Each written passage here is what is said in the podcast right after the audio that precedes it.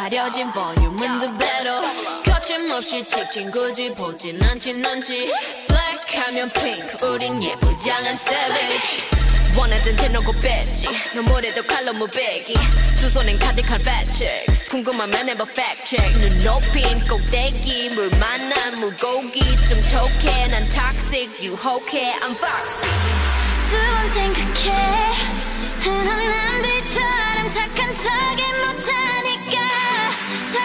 웃음아 쉽게 웃어줘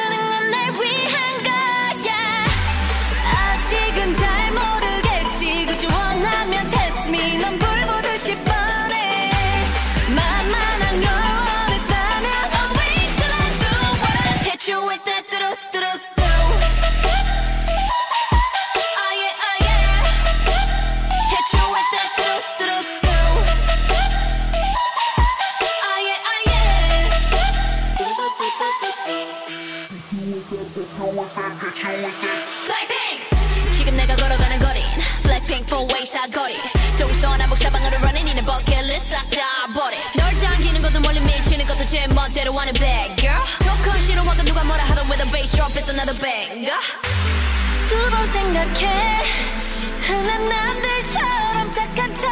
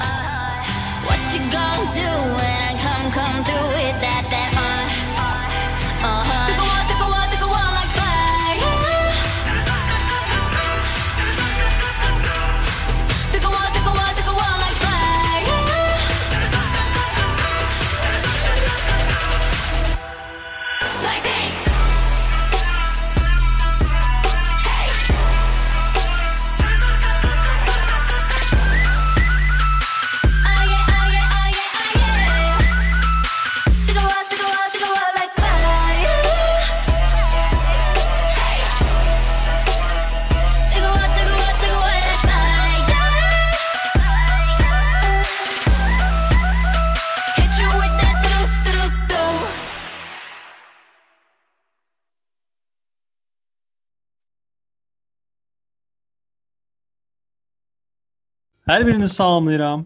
Axtaran adam kiçik fasilədən sonra yenidən fəaliyyətdədir. Maraqlı mövzularla, maraqlı dizaynlarla, maraqlı qonaqlarla yenidən qarşınızdayıq. Bu gün kim var yanımızda? Atabəy Ağlarbəyli. Salam Atabəy. Xoş gördük. Xoş gördük, xoş gördük. Necəsən? Yaxşıyam, siz necəsiz? Yaxşı ol, çox sağ ol. Bu gün səni dəvət etməyimizin səbəbi, yəni açılışı yeni sezonun açılışını səninlə eləməyimizin məqsədi sənin yaşadıkların, gördüklərin və oradan təcrübə etdiklərin bizim üçün çox önəmli, çox maraqlıdır. Onları bizimlə bölüşəsən deyəli. Gəl birinci sən başlayaq. Sənin haqqında bugünkü mövzumuz əsas. Sən ora necə getdin? Orada necə yaşayırsan? Necə də hələ də sağsan orada? Başlayaq. Ora necə getdin-dən? İstəyirsən O- onda qısa əvvəl özün haqqında bir edim. aha, təqdim edə zəhmət olmasa. Deməli, mənim adım Atabəydir. Macaristanda Budapest şəhərində yaşayıram. Burada beynəlxalq şirkətlərdən birində işləyirəm. Artıq Macaristana gəlməyimdən 4 il yarımdan çox vaxt keçib. 2016-cı ilin sentyabrın 1-də həyat başlamışdım. Artıq çox uzun zamandır və necə gəldim bura? Əvvəl oxumaq üçün gəlmişdim. Azərbaycanda işləyirdim o zamanlar ə, auditor olaraq və qərar verdim ki, magistr təhsil almaq istəyirəm və o təbii maliyyə imkanlarım əldə ki deyildi. Onun üçün təkrar axtarışlarına başladım. O vaxtlar vəziyyət yaxşı deyildi. Yadımdadsa, şəhbə Delovas oldu, manat dəyərdən düşdü, 2014. minnətlər aşağı, proqramlaşdırılır kəsilməyə başladı 2015-də. Sonra 2016-cı vəziyyət də yaxşı deyildi. Hələ təzə təhsil devalvasiyalara alışıb çalışırdıq. E, Dövlət proqramı həmin təhsildi, müraciət edə bilmədim. Ona görə e, o səbəbdən də əlimə bu imkan düşdü. E, bir gün sözcüdən qəbul almışdım, amma heç bir təqaüd yox idi və imkan yox idi. Macaristana təqaüd aldım amma. Onun üçün Macaristana gəldim oxumağa. 2 il Sedex Universitetində təhsil aldım, magistr təhsili. Magistr təhsilinin ikinci ilində qərar verdim ki, biraz Avropada iş təcrübəsi keçmək istəyirəm, öyrənmək istəyirəm və başladım iş yerlərinə müraciət etməyə, iş e, e, markalarına etməyə. Bu markaların birində bir işlədiyim şirkətlə tanış oldum. Onlar məni ofislərinə dəvət etdilər, ofislərinə getdim, söhbət etdim, mənə ümumi prosesdən, nə etdiklərindən və s. danışdılar, xoşuma gəldi və qərar verdim ki, onlarla işləmək istəyirəm. Evə gələndən sonra CV-mi göndərdim və xoşbəxtliklə qəbul aldım. və o zamandan bu yana artıq 2 il yarımdan çox bir şey yaxındır, ə, bu şirkətdə çalışıram. E, demək sən 2016-da getdin dedim, yoxsa 2015-də? 16-da. 2016-da. 2016-da getdin. Gəl qayıdaq 2016-dan başlayaq. E, necə getdin? Yəni hansı yolla getdin? Hamıya maraqlıdır da xarici təhsil almaq üçün hansı sənədlər lazımdır, nələrə hazırlamaq lazımdır və s. Yəni Macarıstan haqqında düşünürlərsə. O o dövr üçün bilirəm şərtlər 5 ildə çox dəyişmiş ola bilər, ya da dəyişməmiş ola bilər. Şərtlərdə dəyişikliklər var hal-hazırda, amma əsas şeylər eynidir yenə də. O zamanlar hansı sənədlər toxunmaq lazımdır və daha yuxarı sənədlər idi. Ə, Əsas ingilis dilini göstərən sənəddir. Ə, Hansı ki, Avropada bu IELTS-dir. Bundan əlavə belə magistrə getdiyim üçün bakalavr təhsilim və oradakı ortalama qiymətim önəmlidir. Bakalavr gedirsinizsə, ə, bu attestat sənədidir, onun ortalama qiymətləridir. Yəni belə ondan əvvəlki təhsilinizin ortalama qiymətləri önəmlidir. Bundan əlavə məsləhət məktubları, hansı ingilis dilində recommendation letter deyilir. Bunlar önəmlidir. Məsələn, mən 3 dənə recommendation məktubu almışdım. Bunun ikisi universitetdən idi. Daha doğrusu mən 4 dənə almışdım. İkisi universitetdən idi, ikisi də. Biri öz işlədiyim şirkətdən idi, biri də könüllü çalışdığım təşkilatın tanınmış idarə edicilərindən birindən idi. Bundan əlavə bir də motivasiya məktubu yazmaq lazımdır. Niyə həmin ölkəni, niyə həmin universiteti istəyirsiniz, niyə həmin fakültəni istəyirsiniz? Bunları detallı yazmaq lazımdır. Və həmçinin CV və bir neçə dənə əlavə sənədlər lazım idi. O zamanlar o hər yerə lazım olmur. Sadəcə mənim mənim təqaüd proqramım üçün lazım idi. Hansı ki, məsələn, sağlamlığa arayış, HIV testi və s.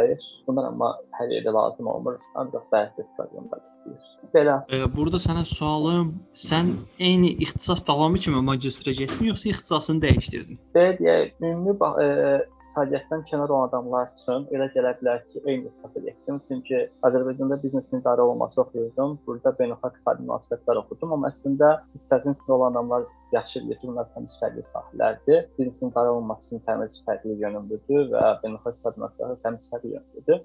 Amma Azərbaycanda isə ikinci qrupa aid olduğu üçün ə, universitet qəbulu zamanı hamı onları eyni gözlə görür. Bir də Azərbaycanda açıq dərslərin ə, baxanda, kurikuluma baxanda ikisində də eyni dərslər keçir aşağı yuxarı. Ona görə insanlar elə ki, eyni amma əslində yox.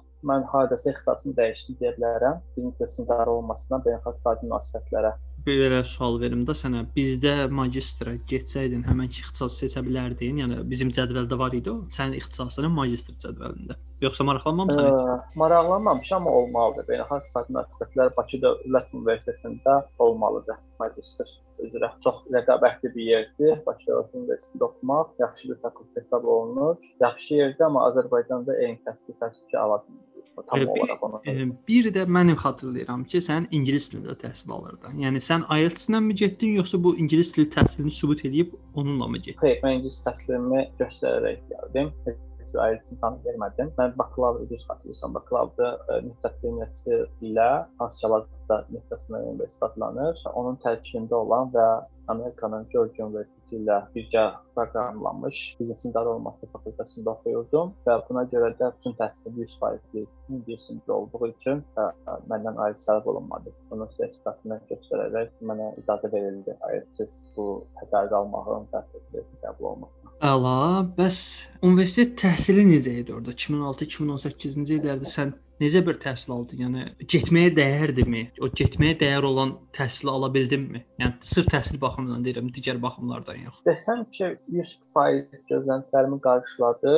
Yox, Macarıstan təhsili heç də Harvard təhsili deyil, yaxud Oxford təhsili deyil, onlarla müqayisəyə gəlməz. Amma ə, Azərbaycanda öyrəndiklərimdən daha çox şey öyrəndim deyə bilərəm bu 2 ildə. Hansı ki, mənim Azərbaycanda təhsilim elə də dəqiq deyildi. Mənə çox gözəl müəllimlər, çox bilikli insanlar dərs vermişdi, amma yenə də burada daha çox şey öyrəndim deyə bilərəm. Təbii ixtisas fərqli idi. İxtisasa daha çox marağım var idi, beynəlxalq münasibətlərə. Hansı ki, bizim fundar olmasına o qədər marağım yox idi. Burada belə bir fakt da var ki, sənin oxuduğun ixtisasla, yəni öz ixtisaslarımızı müqayisə edəndə sən ümumiyyətlə ingilis dilində ixtisasda oxuyurdun. Yəni onun da üstünlüyü var idi. Mənə elə gəlir ki, sizin ixtisaslarda dərslər daha ciddi, daha maraqlı və daha geniş keçirilirdi.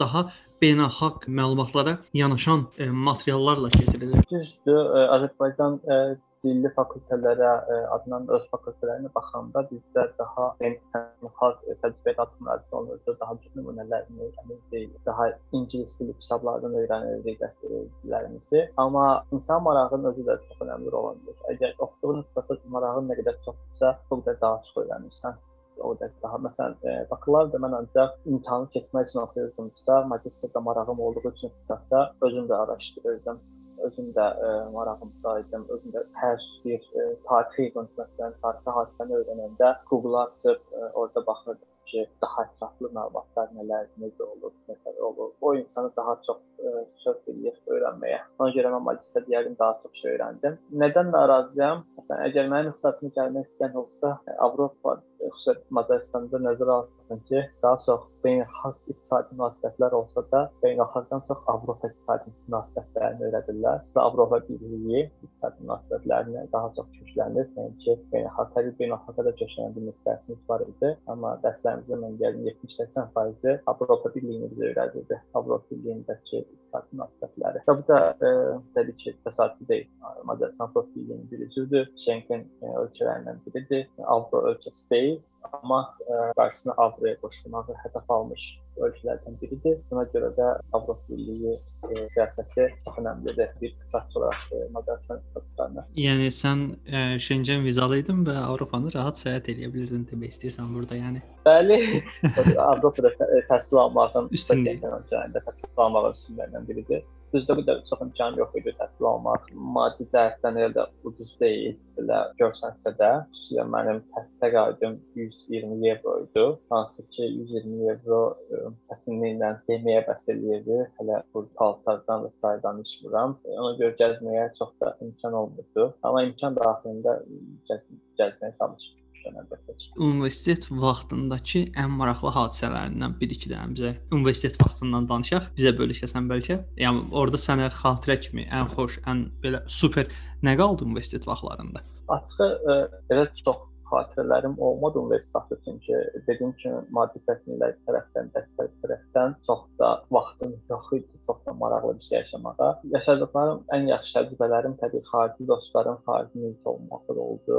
Həyat yoldaşımla tanış oldum universitet vaxtı, hansı ki, mənim həyatımda bir dönüş nöqtəsi oldu. Maraqlı hadisə nə danışa bilərəm? Universitet vaxtı mən təbii ki, Azərbaycanda 5 il qeyri-hökumət təşkilatlarında, qeyri-gəlir təşkilatlarında işləyəndən sonra burada da dayana boş dayana bilmirdim. Madara xidmətinə görə çox da yerli təşkilatlara qoşula bilmirdim. Amma vəzində birinci e, semestr gəldiyim kimi ay təşkilatı ilə tanış oldum. Azərbaycan vəzifələrindən məlumundur və bu təşkilat vasitəsilə ilk e, qış tətilində hansı ölkəyə getməyə qərar verdim. Könüllü olaraq dedim işləməyə həm də gəzmək pulum olmadığı üçün çox da ə, e, bu yolla gəzmək daha çox sərf eləyirdi və çox götürüb qoydan sonra hara gedim? Qərar verdim ki, Yunanıstana getmək istəyirəm. Çünki Yunanıstan iqtisadi krizisdir. Düşündüm ki, orada cəmaətin də çox pulu yoxdur, çatışsızlıq olar, yaşamaq asan olar, həm də qışda çox soyuqdur buralar. Azərbaycanla müqayisəyə gəlməz. Ə, e, mənim o qədər çox soyuq kurtkam tamamım yox idi və donurdum. Mənə biraz siyə lazımdır. Aslında cavabda olduğu üçün düşündüm ki, oh nə gözəl bir gülləmə çıxmış dedim Yunanistana. E, bu Macaristan səyahətindən Yunanistan səyahətinə keçdikdən sonra. Macaristan səyahət deyildi. Macaristan yaşam idi, həyat idi ki, əsas bəli. məskunlaşma idi. Yunanistan səyahəti. Ha davam elə, davam elə. Yəni e, Yunanistan yanvar ayında orada bir ay yarım e, bir təş e, qeyri-hökumət təşkilatında hansı teatr fəaliyyəti göstərirdilər, sosial tamaşalar göstərirdilər, sosial problemlərlə bağlı, mədəniyyətlə bağlı. Onun bir proyekti üçün ə, fundraising eləməli idim. Onların belə bir fəaliyyəti olmamışdı əvvəllər təcrübəsi olmamışdı. Mən onun üçün eləməli idim, yaratmalı idim, amadələr qurmalı idim və bir ayam təbii ki, çox az müddətdir. Mən ancaq onun təməlini ata bildim, müəyyən əlaqələr qura bildim, ə, proyekt yaza bildim qalanını onlar özləri elədilər sonra və ən maraqlı hadisə nə idi? Bura getdikdən sonra mən mənə bəlli oldu ki, əslində Yunanistan gözlədiyim qədər ucuz bir yer deyil. Məhz kriz səbəbilə inflyasiya o qədər yuxarı olub ki, qiymətlər dəhşət yuxarıdır. Mənim pulum bəsləmiş. Mənim 120 evrom bir həftəyə bitdi. Hansı ki, onun da 30 evrosu 3 gün uğurlandı. Ondan sonra mən hansı ki 5 həftəm qalmışdı o 5 həftəni dostuna pozalaraq, kiçik köhnə çörəklərimi hazırlayaraq, üstünə keçid çıxaraq yeməli oldum. o dərəcədə. o qədər baha idi. Mənim təhsil gücüm çatmırdı. Həmçinin qalmağa da yerim yox idi əslində. Hani Isaac bir evə yerləşdirdik. Ki, əslində 5 nəfərlik, 4 nəfərlik idi, amma biz 5 nəfər qalırdıq və məndən əvvəl o 4 nəfər gəlib yerləşmişdik yataqlara. Mənə çox balaca bir divan qalmışdı. Hansı ki, nə döşəyi var idi, nə balışı var idi kutqamı bal e, yorğan olaraq istifadə etməli olurdum. Çantamı balış olaraq belə bir, bir ay yarım yaşadım orada. Bu hansı mən deyərdim ki, Hı biz e, Macarıstan həyatından Yunanistan səyahətinə keçdik, amma indi bu mən belə baxıram ki, bu Yunanistan səyahətinə yox, Yunanistan necə sağ qaldım hekayəsinə keçdik.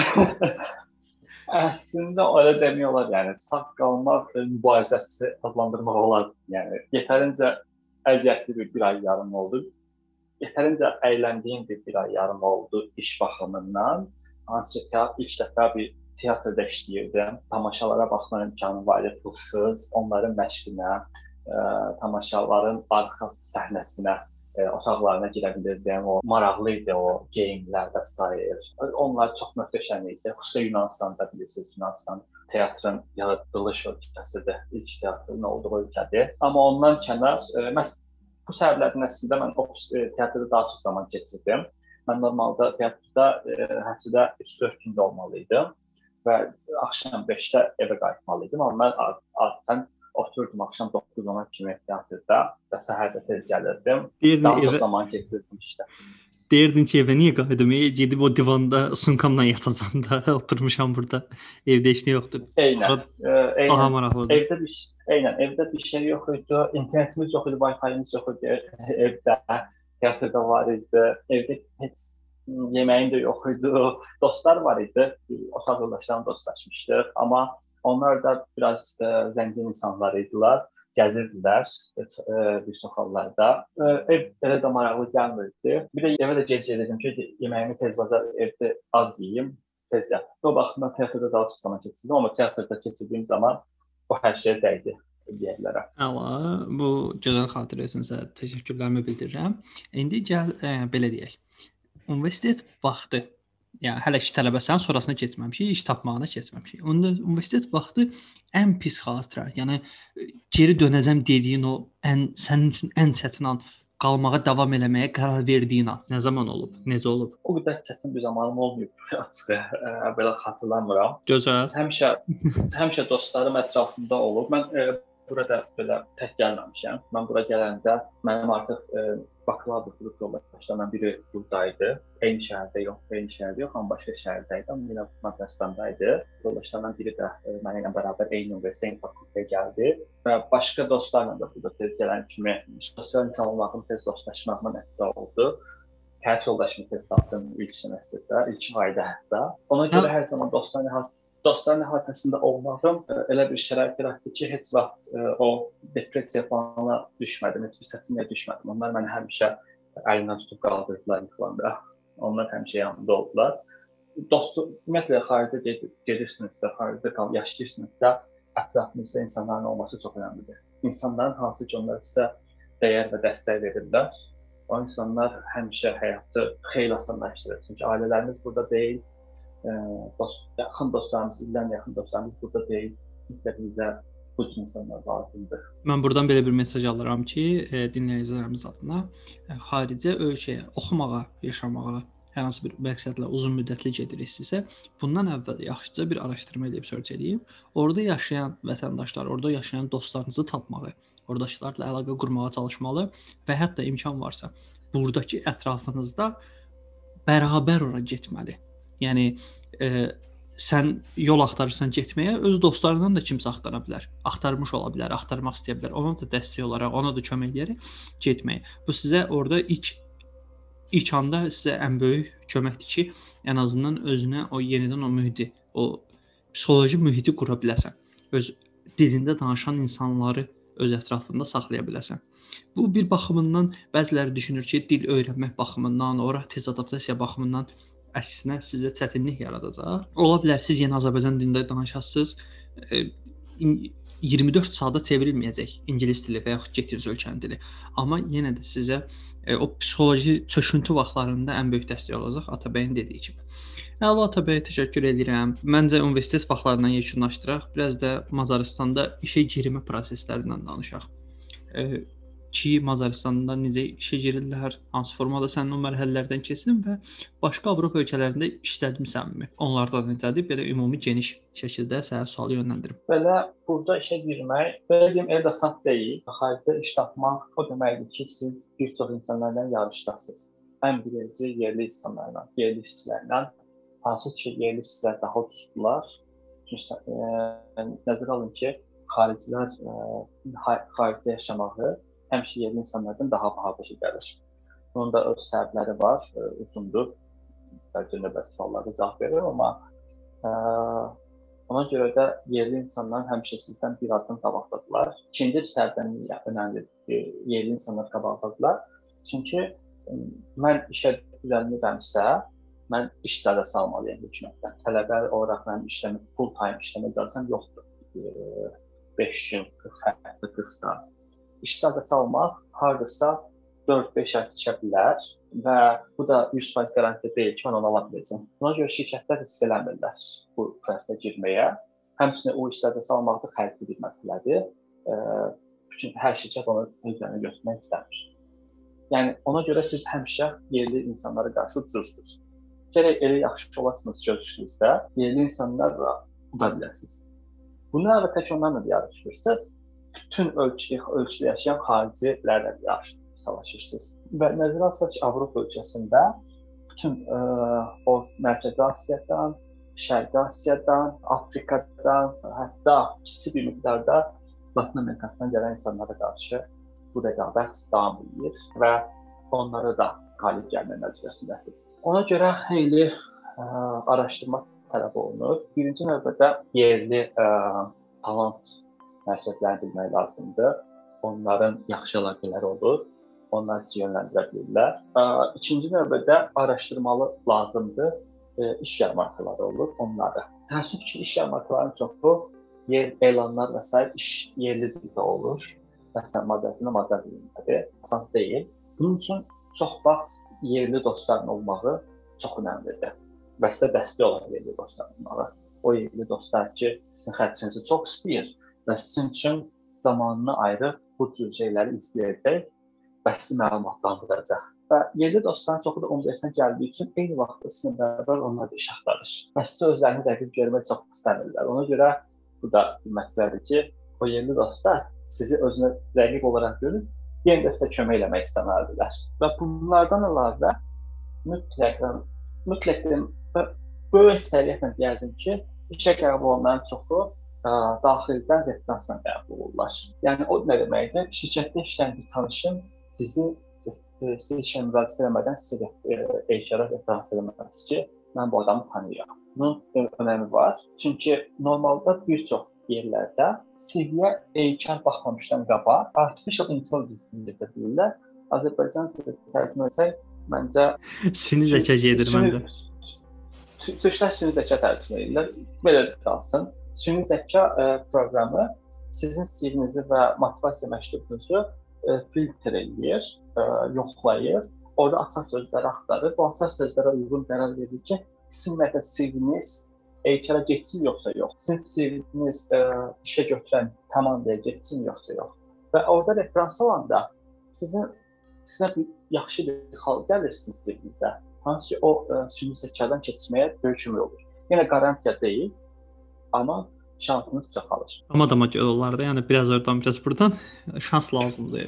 O köməklər lazımdır. Eyni. Yəni sırf sən Eyni. Avropadan danışırsan, amma mən bu Azərbaycandan danışa bilərəm ki, Azərbaycanda bir çox yerlər var ki, işçi elanını paylaşmadan əvvəl daxili komandaya deyirlər. Falan vakansiyamız var. Bura məsləhət gördüyünüz şəxs varmı? Bura uyğun ola biləcəyini düşündüyünüz. Əgər o daxildən yığılan CV-lərdən artıq kimsə tapıblarsa, artıq e, publikə e, hamıya çıxmırlar ki, elanımız var, iş axtarırıq. Çünki burada içəridəki şəxslərə güvənirlər ki, onlar bu işə layiq olacağı düşündüyü şəxslərə referans verəcəklər. Həm də yəni məntiqlidir yəni. intervyu keçirəcək falan. Çünki ona da zaman lazımdır. Mən bir dəfə özüm rastlaşmışam, xa, e, kiçik bir şirkətdə e, ümumi olaraq elan paylaşdıq, tanımadığımız şəxsləri gözlədik, onlarla əlaqə saxladıq, bir-bir yəni onlar gəldi, intervyu elədik, sonra nəticələri onlara bildirdik və s. amma tanışların çevrəsində olanda e, məsələn 5 nəfər gələcəksə, hərəsi bir tanış vasitəsilə gəlibsə, onlar qarşılayır, gətirir.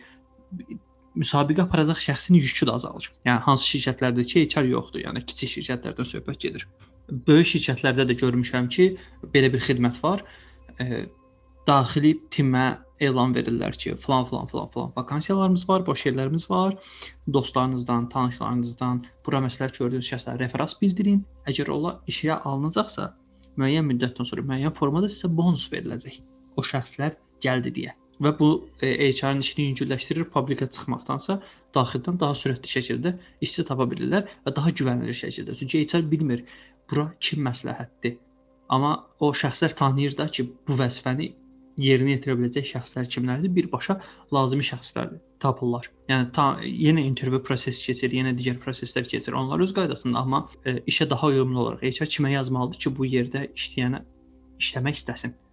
Bunu bilmir və hamıya yazmağa çalışır. Daha çox zaman, daha çox əziyyət, amma e, o daxildəki şəxslər bilir artıq ki, bura kim uyğunludur. Elə bir tanışı varsa birbaşa ona yazırlar. Bunları nəzərə al alanda və bunları eləyəndə bu araşdırmaları və bu şəxsləri tapanda iş xeyli asanlaşır. Mən özüm təcrübəmdən danışsam, mən ə, hardasa oktyabr, noyabr ayından bəri axtarmağa başladım yavaş-yavaş. Ə, Çox üstünə düşmədim çünki vaxtım var idi. Amma həmin ax vaxtda Azərbaycana gəldim yeni bir Azərbaycanı qeyd etməyə. Ə, Biraz çox da fikir vermədim.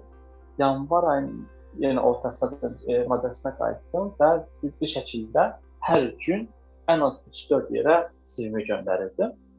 3-4 işə müraciət edirdim. Hardasa marta qədər heç bir xəbər çıxmadı. Heç kimdən hətta intervyuya çağırış belə olmadı təəssüf ki. Və həmin ərəfələrdə artıq dostlarım qəbul almağa başlayırlar yavaş-yavaş. Mən hələ də qəbul almamışdım. Açığı çox pis adama təsir edir. Artıq yəni 6 aya yaxındır iş axtarırsan və heç bir yerdən intervyu belə qəbul ala bilmirsən. Bu biraz çətindir. Xüsusilə özünə güvənən bir adam üçün. Amma iş axtarmaq elə bir şeydir ki, gərək səbirli olasan. Gərək səbirli olub təslim olmayasan. Gərək məğlub olmayasan bu ə, mübarizədə. Gərək davamlı olaraq mübarizə aparasan, davamlı olaraq sirrinə götürəsən, davamlı olaraq işlərə müraciət edəsən. Elə şirkət var idi ki, ə, deyim Disney, ə, Disney şirkətinə mən o qədər CV atdım ki, mən axırda mail gəldi ki, xahiş edirəm gələn kimi bizi tez pozisiyaya müraciət edin. Yəni Yormusan cəmaatı yəni. e, yəni artıq bezmişdilər artıq yəni əlimdən. Mən CV atırdım, 2 gün sonra artıq mənə e, rədd cavab verirdilər ki, yəni istəmirik səni. Ə, yəni təslim olmaq olmaz. Mən hər şirkətə elə şirkətlər var ki, dəfələrlə müraciət edirəm fərqli pozisiyalara. Tamam, buna uyğun görmürsüz, buna uyğun görün. Buna uyğun görmürsüz, buna uyğun görün, yəni. Ə, düşünürəm ki, bu doğru yol, yəni. Düşünmürəm ki, yanlış bir şey edirdim. Ə, və davamlı olaraq iş şəraitləri gedirdim. Macar dostlarım mənə çox, çox kömək oldular bu baxımdan. Mənə ə, hər dəfə iş şəraitlərini tapıb mənə e- elanlar göndərirdilər.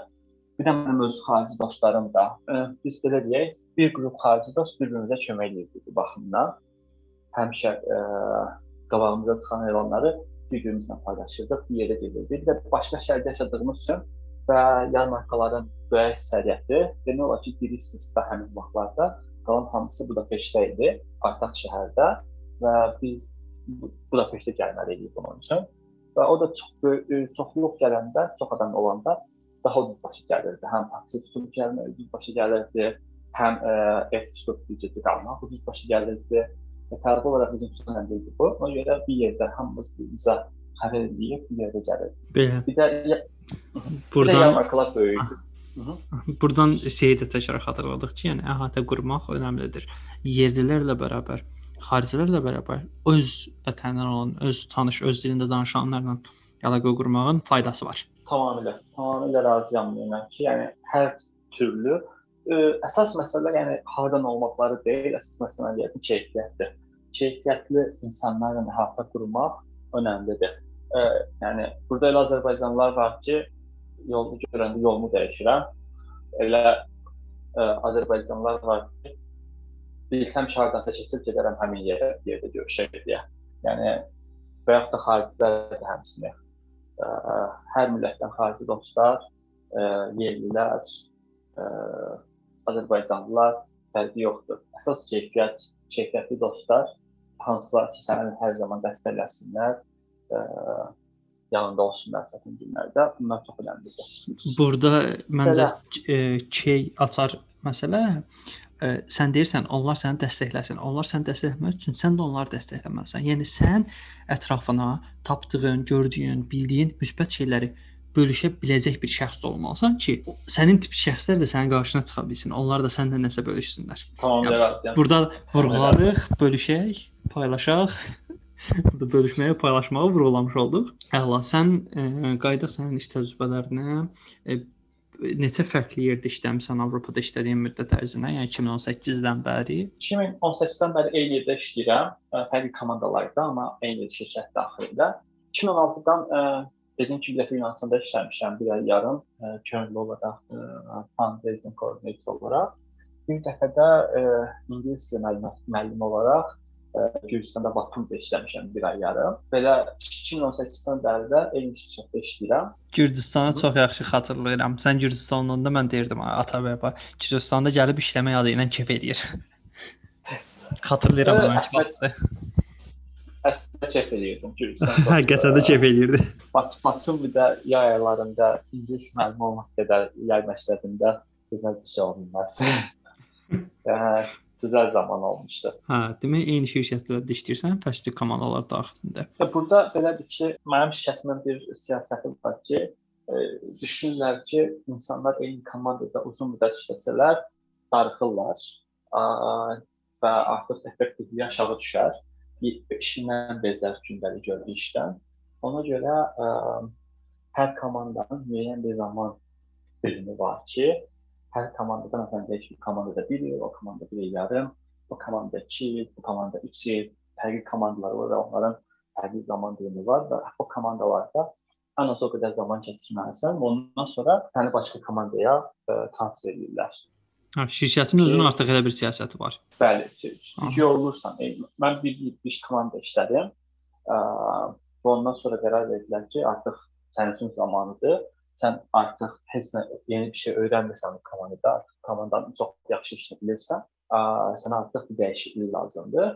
Və məni başqa komandaya keçirdilər. Həm vəzifəmi qaldırdılar, həm də ə, başqa komandaya.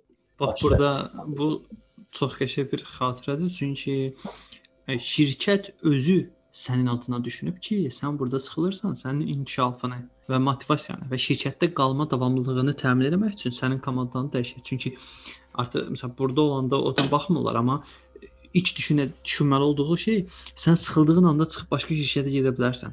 Niyə istəyirsinlər ki? Düzdür. Yəni xüsusilə e, bizim şirkətdə yetərincə təlimlər və s. olduğu üçün, yəni bir iş, iş işçisini e, yetişdirmək də asan deyil. Ona yetərincə pul xərclənir. Ona yetərincə təlimlər keçilməlidir, iş öyrədilməlidir və s. Bu hamısı maliyyədir. Və ondan sonra təbii ki, səni itirmək istəmirlər. Və e, mənim sahəmdə mühasibatlıq, maliyyə sahəsində darıxmaq çox asandır. İşdən bezmək çox asandır. Ə, Xüsusən mən beynəlxalq böyük şirkətdə işlədiyim üçün bizdə komandalar, e, iş proses özü çox detallarına ayrılıb. Heç kim belə işin bütün şeyini görmür. Mən tanışlarım var, bazı şirkətlərdə işləyirlər. Hansılar ki, açıqda daha böyük iş görürlər məndən. İşin daha böyük funksiyasını üzərlərinə götürürlər. Daha böyük, prosesin daha böyük hissəsinə nəzarət edirlər. Amma böyük şirkətlərdə bu belə deyil. Böyük şirkətlər həm böyük rəqəmlər oynayır və onlar onun təhlükəsizliyinə nəzarət etmək üçün daha çox insanı bir prosesə qoşurlar.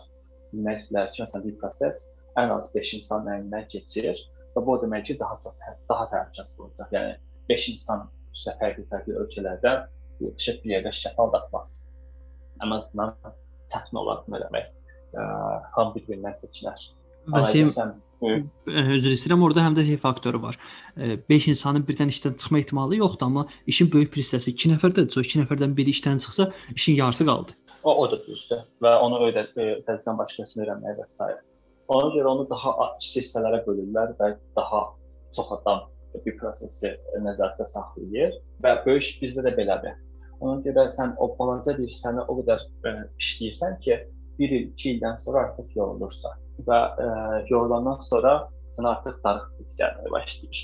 Mən məsələn bundan əvvəlki vəzifəmdə, birinci vəzifəmdə ə, hardasa yarım ilə bütün prosesi artıq öyrənmişdim.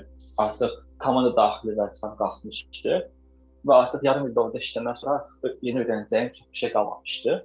Artıq onda mən ə, e, menecerimlə danışdım ki, komandamı dəyişmək istəyirəm. Və menecer özü də şeylər ki, artıq biz bu arada düşünürük. İndiki indiki komandamda hansı ki artıq yenə komandamı dəyişmə vaxtım gəlir yaxınlarda artıq ə, e, menecerimlə bu barədə danışmışam. Burada da hardasa 1 ildən sonra ə, e, hətta biraz da tez, bu biraz ə, e, daha böyük komanda olduğu üçün, fərqli komanda olduğu üçün burada biraz daha çox zaman aldı ə, iş öyrənmək. Amma 9-10 ay, 1 il içində mən artıq bütün olar prosesin böyük bir hissəsini öyrənmişdim. Və ondan sonra 1 il işləyirəm əlavə və tezliklə 3 ay, 6 ay içində yeni bir komandaya təzədən transfer olacaq. Yəni bu bunu belə saxlayırlar ki, heç kimsə komandadan bezməsin, heç kim şirkətdən bezməsin. Hə və bu həm də nə olur? Fərqli-fərqli departamentlərə keçəndə həm birincisi prosesi daha yaxın, daha böyük hissəsini görürsən. Sən əslində bir ilk dəfə şirkətə gələndə balaca bir komandada çox kiçik bir prosesin kiçik bir hissəsini edəndə tam olaraq anlamırsan nə etdiyini. Proses böyük görünürsə. Amma fərqli departamentlərə keçdikdən prosesin fərqli hissələri ilə tanış olduqca sənə anla anlayışlı olur ki, əslində şirkət necə işləyir. Əslində o böyük şəkil ki var, proses şəkli, o necə olur. O sənə daha aydın olur və daha maraqlı olur təbii ki. Bəli. Bizdə bizdə bir nəfər tanıyırdım şirkətdə hansı ki, ə, e, maliyyədə işləmişdi hardasa 6-7 il. Sonra maliyyədən bezmişdi, demişdi ki, mən tamamilə dəyişmək istəyirəm. Və ə, e, IT departamentinə keçmişdi. Hardasa ə, e, bir 4-5 ildə IT departamentində işləmişdi. Ə, və yaxud da başqa bir tanış işim var, müəyyən dostum. Hansı ki, HR departamentində işə başlamışdı. Hardasa 5 ilə yaxın HR departamentində fərqli pozisiyalarda işləyəndən sonra keçən illəri bizim maliyyə departamentinə qoşuldu. Yəni çox fərqli departamentlər arasında keçidə ə, imkan olanda daha çox səndə motivasiya olur, daha çox şey öyrənməyə, fərqli sahələrə. Belə. E, təşəkkür edirəm iş həyatı ilə bağlı bölüşdüyün maraqlı, gözəl və fayda verən informasiyalar üçün. E, gəl Macaristanda tələbəlik həyatının haqqında danışdım. Bu tələbə idi. Onun çətinlikləri var idi. İş zamanı amma hər şey dəyişir hər şey tamam fərqli olur məncə. Mən belə düşünürəm ki, yəni tələbəlik vaxtı olan imkanlar da iş vaxtı olan imkanlar. Müsbətləri də, mənfiləri də təmiz fərqli olur.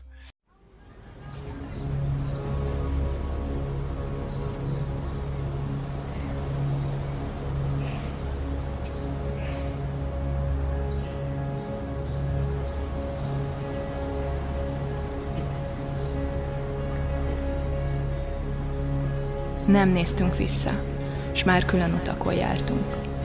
Csend lett, és újra elbújt a hold.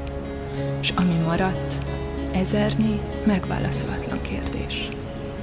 Vajon ki fogja meglátni először a holdat?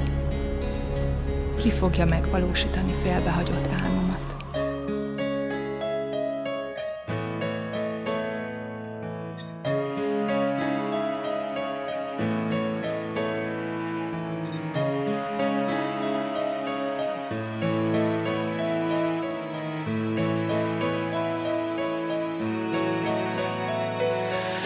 Birden ay ışığını kesti.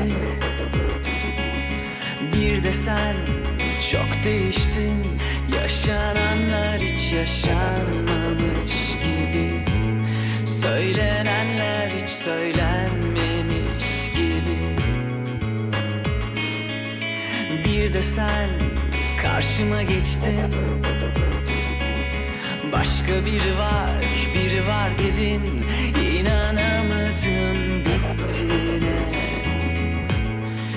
İnanamadım gittiğine. Ne sen baktın ardına ne ben? Hep ayrı yol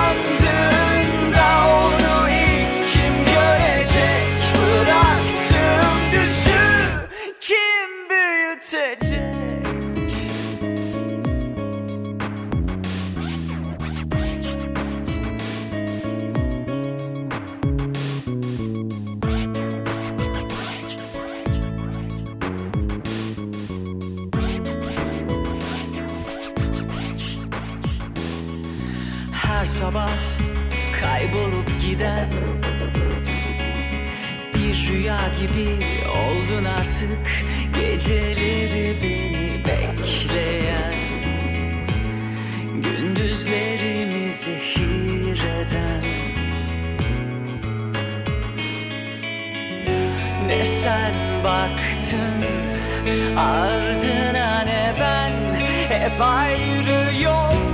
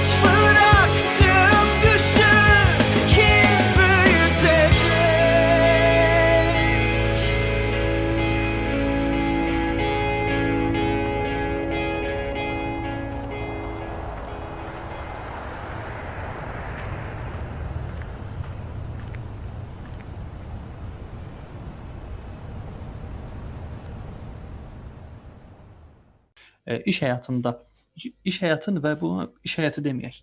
Artıq normal Macarıstanda həyat necə gedir? Macarıstanda yaşamaq necə gedir səncə? Bunun çox fərqli ə, perspektivləri var. Tam olaraq ə, biraz inşallah sən yoxsa ümumi danışım hər şeydən. Ümumi Macarıstanda yaşamdan danış. Bu gün üçün Azərbaycanda oturub bizim bu podkastda dinləyib ə, Macarıstana gəlib yaşamağı düşünənlər nəsə öyrənsin deyə fikirlərindən bölüş bizimlə. Gəlmək istəyənlər birincisi bir neçə şey nəzərə alsınlar. Birincisi ümumiyyətlə xaricə köçmək istəyənlər nəzərə almalıdır ki, hər şey ə, elə də asan deyil. Xaricə köçəndən sonra, 5 tapandan sonra belə xeyli problemlər qalır. Hansı ki, birincisi ə, bu gün ailədən kənar yaşayaraq demək asandır, hansı ki mən də demişəm. Amma gəlib doğrudan yaşamaq elə asan deyil. Ə, bəzən elə vaxt olur ki, xüsusilə bu pandemiya vaxtı ki, evə qapanmışdıq, evdən çölə çıxamırdıq və hal-hazırda belədir. Öz dilində danışmaq adam axtarmaq üçün bəzən hər şey verməyə hazır olursan, öz cəmiyyətindən biri olanda. Təbii Azərbaycan yəni bir həftə sonra bezirsən və peşman olursan, amma burada olanda o vətən həsrəti insanı çəkir. Həmçinin xaricdə, xüsusən Macarıstan kimi sağçılığın çox güclü olduğu siyasətdə ölkələrdə ə, milliyyətçilik çox yuxarı olur və belə yerlərdə iqtisadla çox rastlaşa bilirsən. İqtisadi də çox fərqli sahələrdə ola bilər adi cümlələri mən hazırda ev axtarıram, evimi dəyişirəm, kirayə ev axtarıram və dünənləri bir ev sahibinə zəng elədim. Əslində SMS yazdım, çünki macarca bilmədiyim üçün çox da SMS Google Translate-in köməyi ilə SMS yazdım və mənə zəng elədi geri. Mən cavab verdim, macarca soruşdum ki, ingiliscə bilirmi? Və başa düşdü ki, mən macar deyiləm. Həm aksentindən çox güman ki, həm də ingiliscə bilmədiyimi soruşduğundan. Və mənə dedi ki, ingiliscə bilir və ingiliscə keçsin. Mənə bircə cümlə dedi. Biz xaricdən yer macar ə, adam axtardıq. yer adam axtardıq. ha, ə, soruşmadı mən hardanam, Amerikadanam, Kanadadanam, Azərbaycandanam. Dəxli yoxdur. Biz macar axtardıq. Alman da olsan, Amerikan da olsan, ərəb də olsan fərqi yoxdur. Biz macar axtardıq. Bəlkə də xariciləri uzun müddət burada qalmadığını düşünüb, yəni adam çəkib bəlkə də görüb xaric gəlib, yaşayıb 3 aydan sonra çıxıb gedib, gəlib yaşayıb 1 ildən sonra çıxıb gedib uzun müddətli şəxs axtarır. Ona görə ola bilərmi yerli şəxslərə üstünlük verirlər? Yox, mən e, ona da, da ingiliscə o, o cümlədən sonra dedim ki, bəs mən e, artıq 5 ildir burada yaşayıram və beynəlxalq şirkətdə işləyirəm. Müqaviləm ömürlükdür. Yəni problem yoxdur bunda. E, dedi yox, biz yer axtarırıq. Yəni ə, burada uzun müddət yaşayan, ömürlük yaşayan xaricilər çoxdur açığı, yəni də. Heç adam soruşmadı mən burada niyə yaşayıram məsələn. Burada ə, Macaristan Avropa Birliyi ölkələrinin nisbətən daha ucuz ölkədir. Bu da nəyə səbəb olur? Ə, digər ölkələrdəki təqaüdçülər köçürlər bura. Çünki burada yaşamaq o, o ölkələrdən daha ucuzdur. Məsələn, mən bir tanışım var idi. Ə, tanış olmuşdum. Ə, İngiltərədən. Orada təqaüdçü idi, orada ev də var idi o evin kirayə vermişdi. Oradan təqaüd alırdı. O kirayənin pulu ilə İngiltərədə burada kirayə tutmuşdu, daha yaxşı idi. O özü özünün İngiltərədə işlədən daha yaxşı kirayə tutmuşdu və e, oradakı təqaüdlə də burada çox daha yaxşı yaşayırdı. Və belə insanlara belə bu adamlar vermirlər təqaüd e, kirayə. Deyirlər ki, bu adamlar burada ömür boyu yaşayacaqlar. Yəni yenə verməyəcəklər. Yəni məsələn elə olub ki, restorana gedirsən, getmişəm. Elə bir ə, münasibətlə qarşılaşmışam ki, yəni bildiyim münasibət o idi ki, sən burada nə edirsən? Gəl ora. Yəni belə münasibətlər olur. Təəssüf ki, o demək deyil ki, bu macarlar pisdir. Yəni çox-çox gözəl macar dostlarım var. Hansı bir yerdə deyirlərdi, mən onların kimi olmasa bəlkə iş tapmazdım. Mənə bu gün belə çox dəstək olan macar dostlarım var. Amma o demək deyil ki, hamısı möhtəşəmdir. Aralarında çox ə, milliyyətçi, nasist, neonazist deyilən qruplar var. Hansılar ki, onlarla qarşılaşmanızı məsləhət görürlər. Və bu qruplar hər zaman hər yerdə sizə üçüncü ölkə rəftarı ilə özünüzü pis etmənizə səbəb olacaq. Gərək bunları bir müddətdən sonra alışasınız və göz altına vurmağı bacarasınız. Əgər çox həssas insansınızsa, çətin məsələdir. Bundan əlavə hökumət özü də e, belə seçimlər yaradır. Hansı ki, e, məsələn, Macaristan çox bürokratik ölkədir. Ümumiyyətlə Avropa Birliyi ölkələrinin çoxu bürokratik ölkələrdir. Dəhşət dərəcədə çox sənədlər istənilir. Mən hər 2 ildən bir miqrasiyaya müraciət edib iş stajımı uzatmalıyam. Mənim müqaviləm ömürlükdür şirkətlə, amma onun dəxli yoxdur. Mən 2 ildən bir eyni proseslərdən keçsə, belə bir ki, sıfırdan yenə bütün sənədlərimi yığıb məhz e, miqrasiya müraciət etməliyəm. Xoşbəxtlikdən mən böyük şirkətdə işləyirəm və mənim şirkətim bütün xərclərimi qarşılayır. Mənə özəl e, VIP e, agentlik təşkil edib, mənim bütün işlərimi həll edir. Miqrasiya üzrə də getmərəm açıq. E, agentliyi hər şey edirəm. Amma ona rəğmən belə o sənədləri yığmaq mənə yetərincə sürüncülük olur. Və mənim xanımım özü edirdi bu prosesləri agentsiz. Və mən onun prosesini bilirəm ki, agentlə agentsiz nə qədər daha çətindir bu proses. Ə, yetərincə insanı bezdirən bir prosesdir və bu davamlı hər 2 ildən bir olmalı olan prosesdir. Bunlardan əlavə hələ bunun üstünə mən e, sizin hakimiyyətiniz olduğu zamanı götürsəm ə, və ə, başqa ə, sizin hökumətdən tələb olunacaq başqa sənədlərinizi və sair götürəcəyiniz yer alsa, hamısında bu çətinlikləri yaşayanda biraz daha bezir, bezə bilərsiniz. Yəni bunlar çox çətindir. Üçüncü ölçü vətəndaş olmaq. Yəni Avropa ölkələri məncə ona görə də dəyişir. Ölkələr var ümumiyyətlə xarici vətəndaşlara çətindir, ölkələr var xarici vətəndaşlar üçün rahatdır. Yəni bunu da araşdırıb onu da nəzərə almaq önəmlidir əlbəttə ki. Macarıstan haqqında olan fikirlərinə də görə təşəkkür edirəm sənə. Gəl sənə belə bir sual verim ki, sənin belə bir istəyin olub olmamasına asılı olmayaraq maraqlanmısanmı? Macarıstanda vətəndaşlıq almaq üçün proses necədir bəs? Yəni sən neçə il ordasan və bəlkə də düşünürsən ki, ömür boyu qalacaqsan. Yəni səni deməyim, ora gedən bütün xaricilər deyim. Xarici vətəndaşları kimisi düşünür ömür boyu qalacaq. Onlar üçün o vətəndaşlıq prosesi necədir? Məlumatın yoxdur bu haqqda. Özümün burada ömürlük qalma ideyam yoxdur. Mənim daha fərqli planlarım var, fərqli ölkələrə getmək. Amma ə, burada ə, vətəndaşlıq alan insanlar tanıyıram. Şəxsən bir dostumuz, ə, türk dostumuz bu yaxınlarda burada 20 il qalandan sonra vətəndaşlıq aldı. Vətəndaşlıq almaq almaq xeyli çətin prosesdir. Vətəndaşlıq almaq asanlaşır əgər Macar əsilli bir ə, kökünüzdə bir Macar əsilli biri olubsa, yəni nənəniz, babanız, babanızın babası dillərində macar olubsa, asanlaşa bilər. Amma yoxdursa, bu xeyli çətin prosesdir. Macar dilindən imtahan vermək lazımdır. Macar tarixindən imtahan vermək lazımdır. Hansı ki, mən o tarix suallarını bir macar dostumuza göstərmişdi. Dostumuz dedi ki, bunu macarlar özləri cavab verə bilməzlər, bilməzlər testdir. Yəni çox dərinli və detallı bir macar e, tarixi testidir. Buna görə də xeyli çətindir və çoxu vermək almaq istəmir. Burada başqa bir e, alternativ var. E, ona daimi yaşayış sərhədi deyirlər. Əgər siz Macaristanda 3 il yaşayıb vergi vermisinizsə və vergi də aşağı olmamalıdır, yaxşı bir vergi vermisinizsə, o zaman ə, siz burada daimi oturum sərhədi ala bilərsiniz.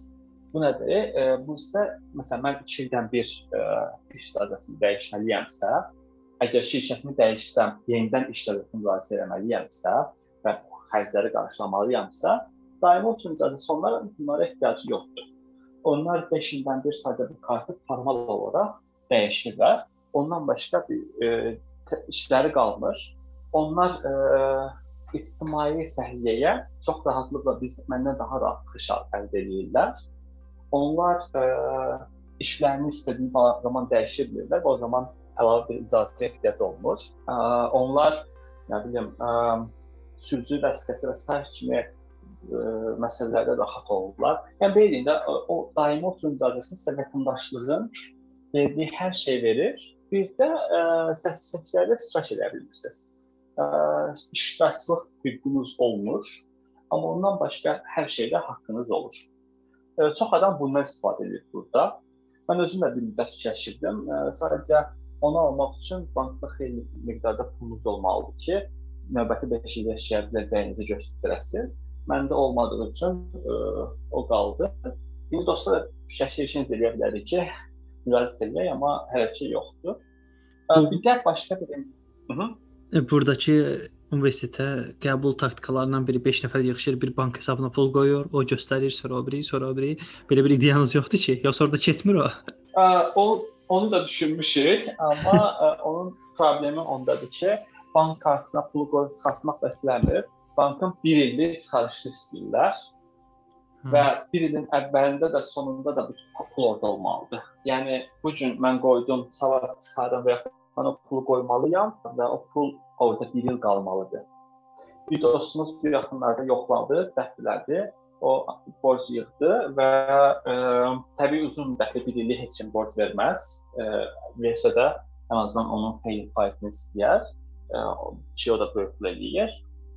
Sadəcə 2 aylıq, 3 aylıq elədi. Səhv etmirəmsə 3 aylıq eləmişdi. 3 aydan sonra müraciət qəbul eləmədilər. Dedilər 1 ildən az qəbul eləmir. Yəni 1 il ərzində pul orada qalmalıdır. O da çətindir. Bildim. Sən onda belə başa düşürəm ki, çünki sən dediyin ölkəyə həqiqətən ciddi şəkildə vergi verməsən, bu da sənin həqiqətən işləməyini, qanuni şəkildə işləməyini göstərir ki, sən dövlətə vergi ödəmiş olasan iş baxımından. Digər tərəfdən ölkədə minimum 3 il yaşamalı olmalısan ki, buna müraciət edə biləsən ki, sənin də bildiyim qədərilə 5 ildə ordasan, yoxsa 6 il. Mən mən 5 il yarımda, amma mən bunun cəmi 3 il, 2 il yarımını işləmişəm. Ona görə ə, mən hələ düşmürəm. Açıq düşürəm ki, şərbətin müddəti 2 il 1 il sayılır. Ə, onu 1 il saysan və 2 il yarım mənim işlədiyim saysan 3 il yarımı keçir. Mənim vergilərim bir getəniz yuxarıdır. Çünki burada mənim aldığım maaş yerli ə, insanların aldığı maaşdan ortalamasından yuxarıdır və faiz dərəcəsi burada yetərincə böyükdür. Xüsusilə xaricilər üçün. Mən hardasa ə, birbaşa maaşımın 34 faizini, 34.4 faizini Bir də birbaşa olmayan, mənim maaşıma çıxmayan, amma şirkətin əlavə mənim üçün ödədiyi vergilər var. Və bunların hamısını toplayanda əslində mən uyğun gəlirəm ə, buna. Heç banka görə Heç bank pula görə bank pulu xeyli çətindir. Dediyim kimi vergilər çox olduğu üçün maaş da gəlir xeyli aşağı düşür və o maaşla həm yaşamaq, həm ə, pul yığmaq elə də asan məsələ deyil. Bu da əslində bir işlər burdan mesaj da gəlmək istəyənlərə düşünməsinə gəlib burada işləyib varlanmaq olur, ə, çətindir.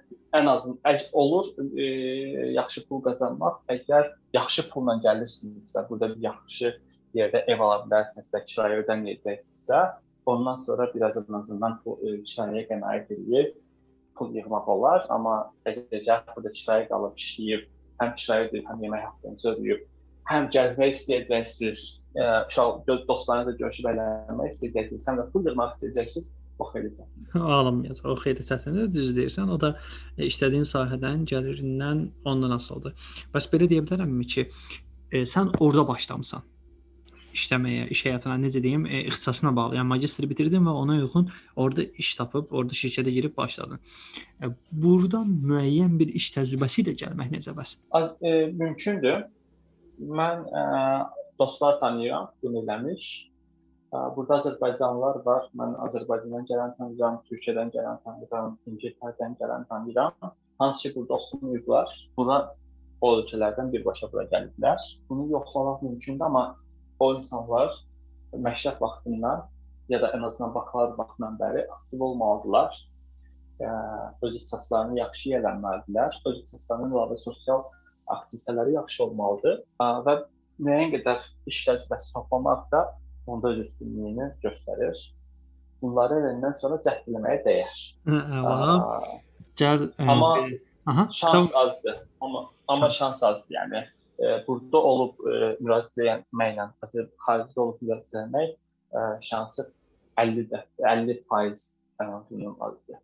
Düzdür, düzdür. Yəni şirkətlər üz-üzə görüşü daha çox üstün tutacaqlar və o o vətəndaşın, o şəxsin həqiqətən ora gəlib gəlməyini qarantiya eləməlidirlər ki, yəni buna zaman ayırıq, intervyu edirik, mərhələlər keçirik və buna iş təklif edəcəyik.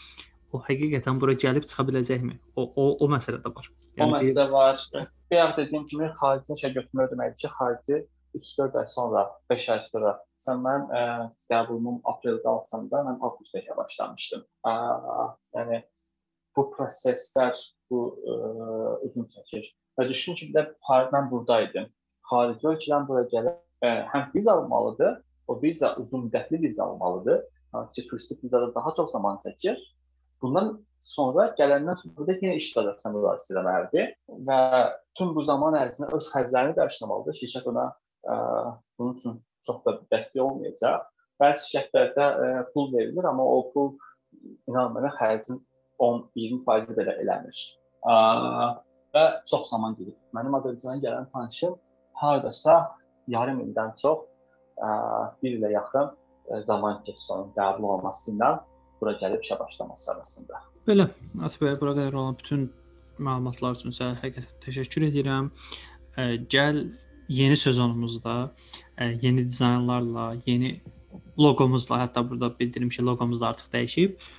Ə, bunların hamısı ilə bu yeniliklərlə yeni bir ə, forma əlavə edək verilişimizin həmişə sonuna.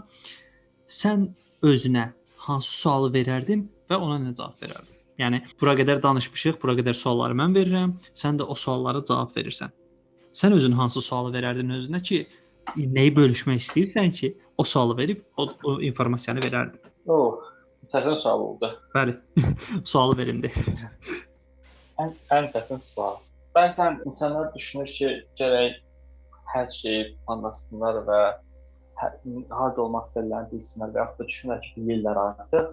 O insanlara sonunda demək istərdim ki, birincisi o insanlar ki, bilmirlər harda olmaq istəyirlər. O insanlar gərək artıq planlasınlar, ən azından təxmin etsinlər, təxmini bir uzaqda bir işarə qoysunlar qarşılarına, hədəf qoysunlar. O insanlar ki, düşünürlər ki, bilirlər artıq. O insanlar demək istəyirəm ki, planlar heç bir alınmayacaq. Boş yerə çox demir bağlamasınlar. Hədəflərini biraz daha ə, daha Qeyri-müəyyənləşdirsinlər. Qeyri-müəyyənləşdirsinlər. Bəli, bəli, biraz daha ə, ora hər dəfə onu daha da Azərbaycan dilində deməli hər dəfə öz ə, planlarını götürüb qoyarlar davamlı olaraq və o uyğunsa dəyişdirsinlər planlarını.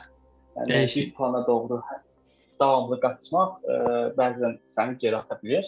Gərək ə, davamlı olaraq planları götür eləyib onu dəyişdirəsən ə, hal-hazırda situasiya uyğun olaraq. Çünki hal-hazırda situasiya hər gün dəyişir, hər ay dəyişir, hər ə, il dəyişir. Ona görə hər zaman planlar ə, bir əvvəl qoyduğum plan qalmır. Ona görə davamlı olaraq planlarınızı götürün, amma həmişə planınız olsun. O plan alınmasa belə həyat həmişə bizlə oyunlar oynayır. Heç vaxt planlarımız zaten yəni, oyun qoyduğumuz planlar bu gün üstə düşmür. Amma həmişə plan olsun 5 il üçün, 10 il üçün. Həmişə də onları yer götürülür, dəyişilsin. Amma hər zaman özləri üçün bir e, yoxlama e, testi olaraq da bir yer not alsınlar hər zaman. Onu saxlasınlar, onu davamlı da yazsınlar. Və sonra izləsinlər ki, doğrudan da inkişaf edirlərmi, eləmirlərmi, orada doğru addım atırlarmı, atmırlarmı, baxsınlar.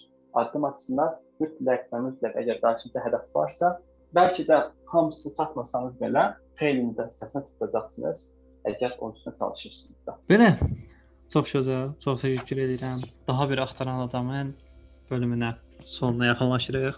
Bu bölümdə biz ə, Macaristanda təhsil, Macaristanda yaşam, Macaristanda həyat, ümumiyyətlə orada xaricilərə baxış açısı və digər məsələləri suallarımıza cavab axtarmağa çalışdıq. Bizim suallarımıza cavab verən də Atabəylər ağa, Atabəy Ağalarbəyli idi. Atabəy, dərin təşəkkür edirəm. Çox sağ ol, gözəl, dəyərli, önəmli fikirlərin üçün. Belə, bugünkü verilişimiz də sona çatır. Bizi YouTube-dan, Mixcloud-dan, iTunes-dən, bütün podkast proqramlarından rahatlıqla izləyə, dinləyə bilərsiniz. Əl çatandır. Videonun altına da bunu videonu yerləşdirdiyim platformalar və səsi podkastı yerləşdiyim platformalarda altda detallı bütün linkləri yerləşdirəcəyik. Hər birinizə təşəkkür edirəm dinlədiyiniz üçün. Növbəti axtaran adam verilişində görüşmək ümidi ilə. Sağ olun, salamat qalın.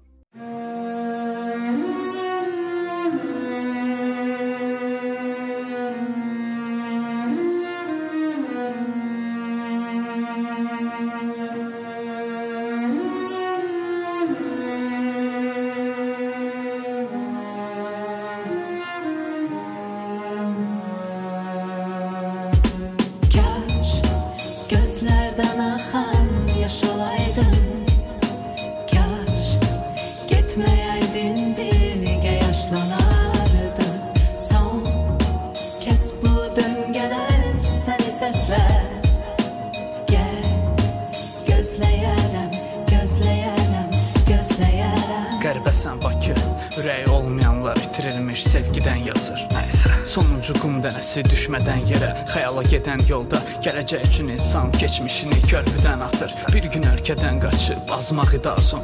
Elə bilmə səni yaddaşdan pozmaq idi arzum. Artıq donub əlləri, güclə dayanıb çək. İstəmədim batan gəmidə çalım violonçel. Ömrü bizim ömrümüzdən uzun bəstələrim var. Dərinlikdən qaça bilməzsən, qayıqla ancaq zaman tunelində erişib qalanlara pis xəbərim var. Geriyə baxmadan qaçın, uşaqlıq qayıtmayacaq. Həyat gedir dediyin anda birdən vaxt sancaq. Üzünə baxıb deyər, keçir ömür, böyüyürsən, qocalırsan, dinlə. Bu gecə təkcə məni, elə bil ki məndən mənim xoşbəxtliyimi borc alırsan. Kaş gözlerden